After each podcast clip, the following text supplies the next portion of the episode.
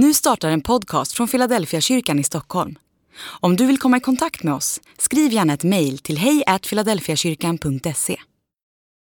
Dag 158. Historiens första text om jämställdhet. Alla är ni nämligen inom tron Guds söner i Kristus Jesus. Är ni döpta in i Kristus har ni också iklätt er Kristus. Nu är ingen längre jude eller grek, slav eller fri, man eller kvinna. Alla är ni ett i Kristus Jesus.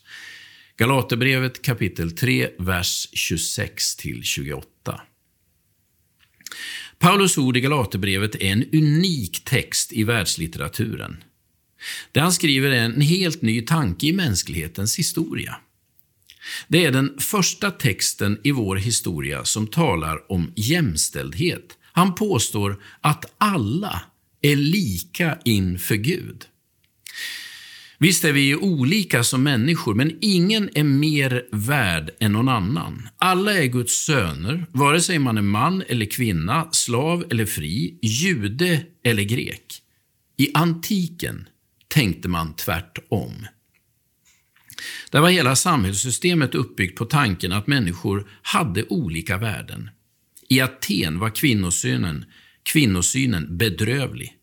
En kvinna hade sällan tillgång till utbildning. Hon blev aldrig myndig och fick inte ärva. Hon fick inte vistas utomhus eller delta i samhällslivet.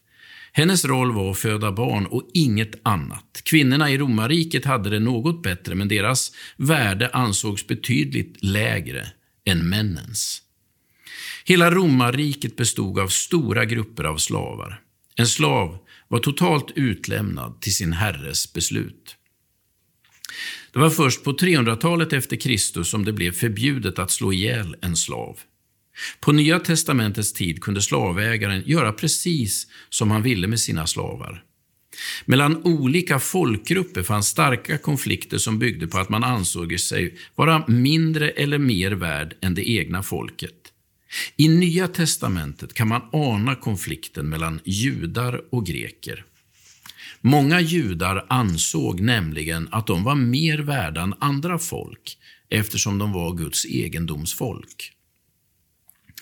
Det är svårt för oss att förstå hur självklara man ansåg dessa skillnader vara mellan människor.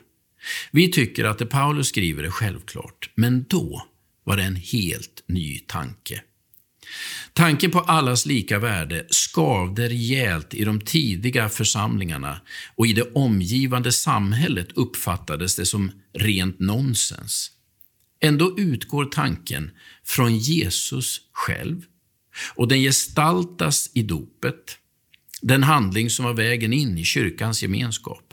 Att låta döpa sig var detsamma som att bli jämställd med alla andra i den kristna gemenskapen, oavsett vilken etnicitet, vilket kön eller vilken status man hade. Dopet säger inte bara något om dig, dopet säger inte bara något om dig som blir döpt.